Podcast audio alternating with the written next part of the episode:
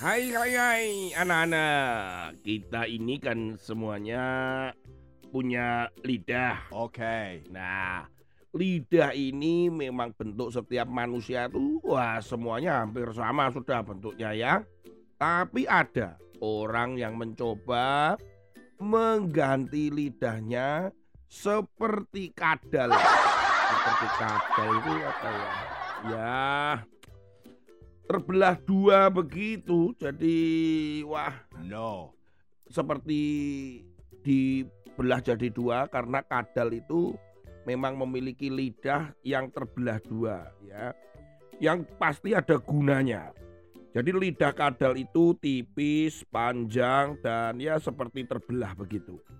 Memang manusia ini waduh aneh-aneh saja.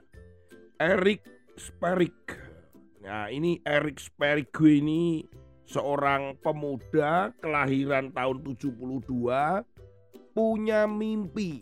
Mimpinya apa? Mimpinya menjadi manusia kadal. Apa gunanya gitu? Sampai lidahnya harus dibelah dua. Dan tahu nggak kalian? Tubuhnya sampai tubuhnya itu ditato ditato sampai 700 jam. Wah, wah. Bapak Erik ini ada-ada aja. Tubuhnya jadi berwarna kehijau-hijauan dan perlu waktu 700 jam untuk menato dirinya. Ini apa sih ini gunanya ini? Pak Erik ini ada-ada saja. Jadi menurut Kak Tony, kalau menurut kalian gimana? Juga bahwa nggak ada gunanya sia-sia apa yang dilakukan oleh si pemuda ini sampai menjadikan dirinya itu seperti kadal dari tubuhnya kemudian juga dari lidahnya pokoknya wah aneh-aneh dan bentuknya gundul kepalanya karena mungkin karena kadalnya juga gundul. Lah nanti kalau kadalnya melihat Pak Erik ya Pak. Lu ini aku teman itu dia temanku itu. Repot ya. Atau mungkin Pak Erik juga berganti makanan. Makanan makanan yang ya seperti kadal begitu. Saya percaya Pak Erik pasti nggak suka makan makanan yang seperti kadal itu ya kan Oke, hari ini Kak Tony menceritakan tentang manusia kadal.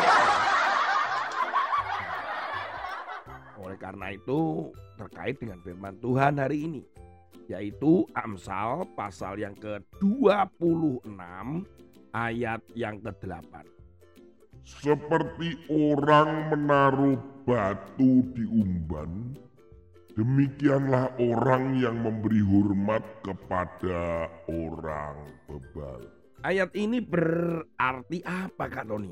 Ayat ini tuh maksudnya itu batu itu diberi umban itu seperti kalian ingat Daud ya. Daud yang membawa pengali-ali itu loh ya, umban itu untuk diputar-putar kemudian diasi batu, diisi batu tuh. Kemudian dilemparkan dan terkena di kepala Goliat. Nah, umban ini sendiri kan biasanya sebagai senjata diberi batu. Nah, batunya ini yang dimaksud di dalam ayat ini itu adalah batu perhiasan. Batu yang ya seperti mungkin permata atau batu ya pokoknya batu-batu yang mahal itu. Nah gunanya untuk apa diberikan di umban itu? Kan itu sia-sia kan mestinya batunya bukan batu yang ada yang permata itu tapi batu kali. Kalau Daud itu dengan batu kali yang ada di kali. Nah, gunanya untuk apa? Itu sia-sia kan begitu. Lagian kalau dilemparkan ke orang bukannya mengenai orang malah ditangkap jadi rebutan. Nah, Kak Tony melihat ayat ini sebenarnya gini adalah perbuatan yang sia-sia.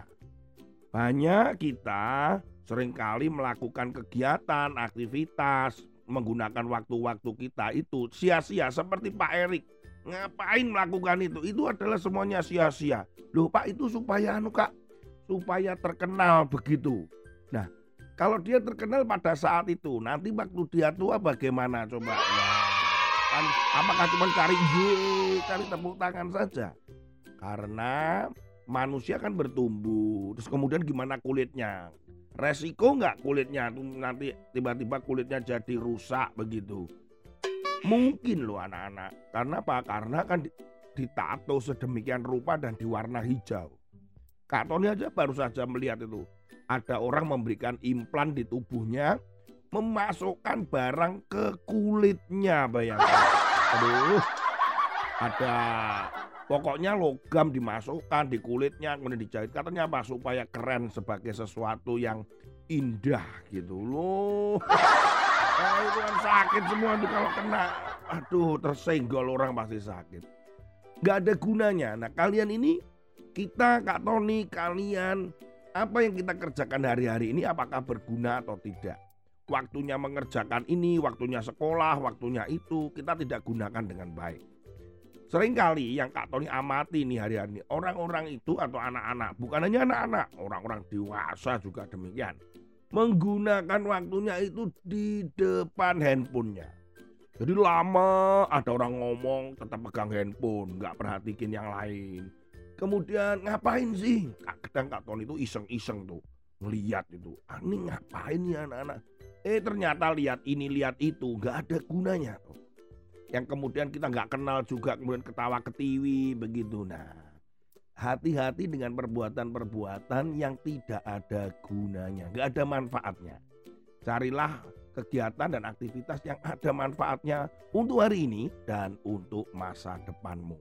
Itu Tuhan sudah menyiapkan yang terbaik untuk hidupmu. Perlu dilatih, perlu direnungkan, perlu juga apa? Dilakukan. Tuhan Yesus memberkati. Sampai ketemu lagi dengan Kak Tony di episode yang lain. Amin.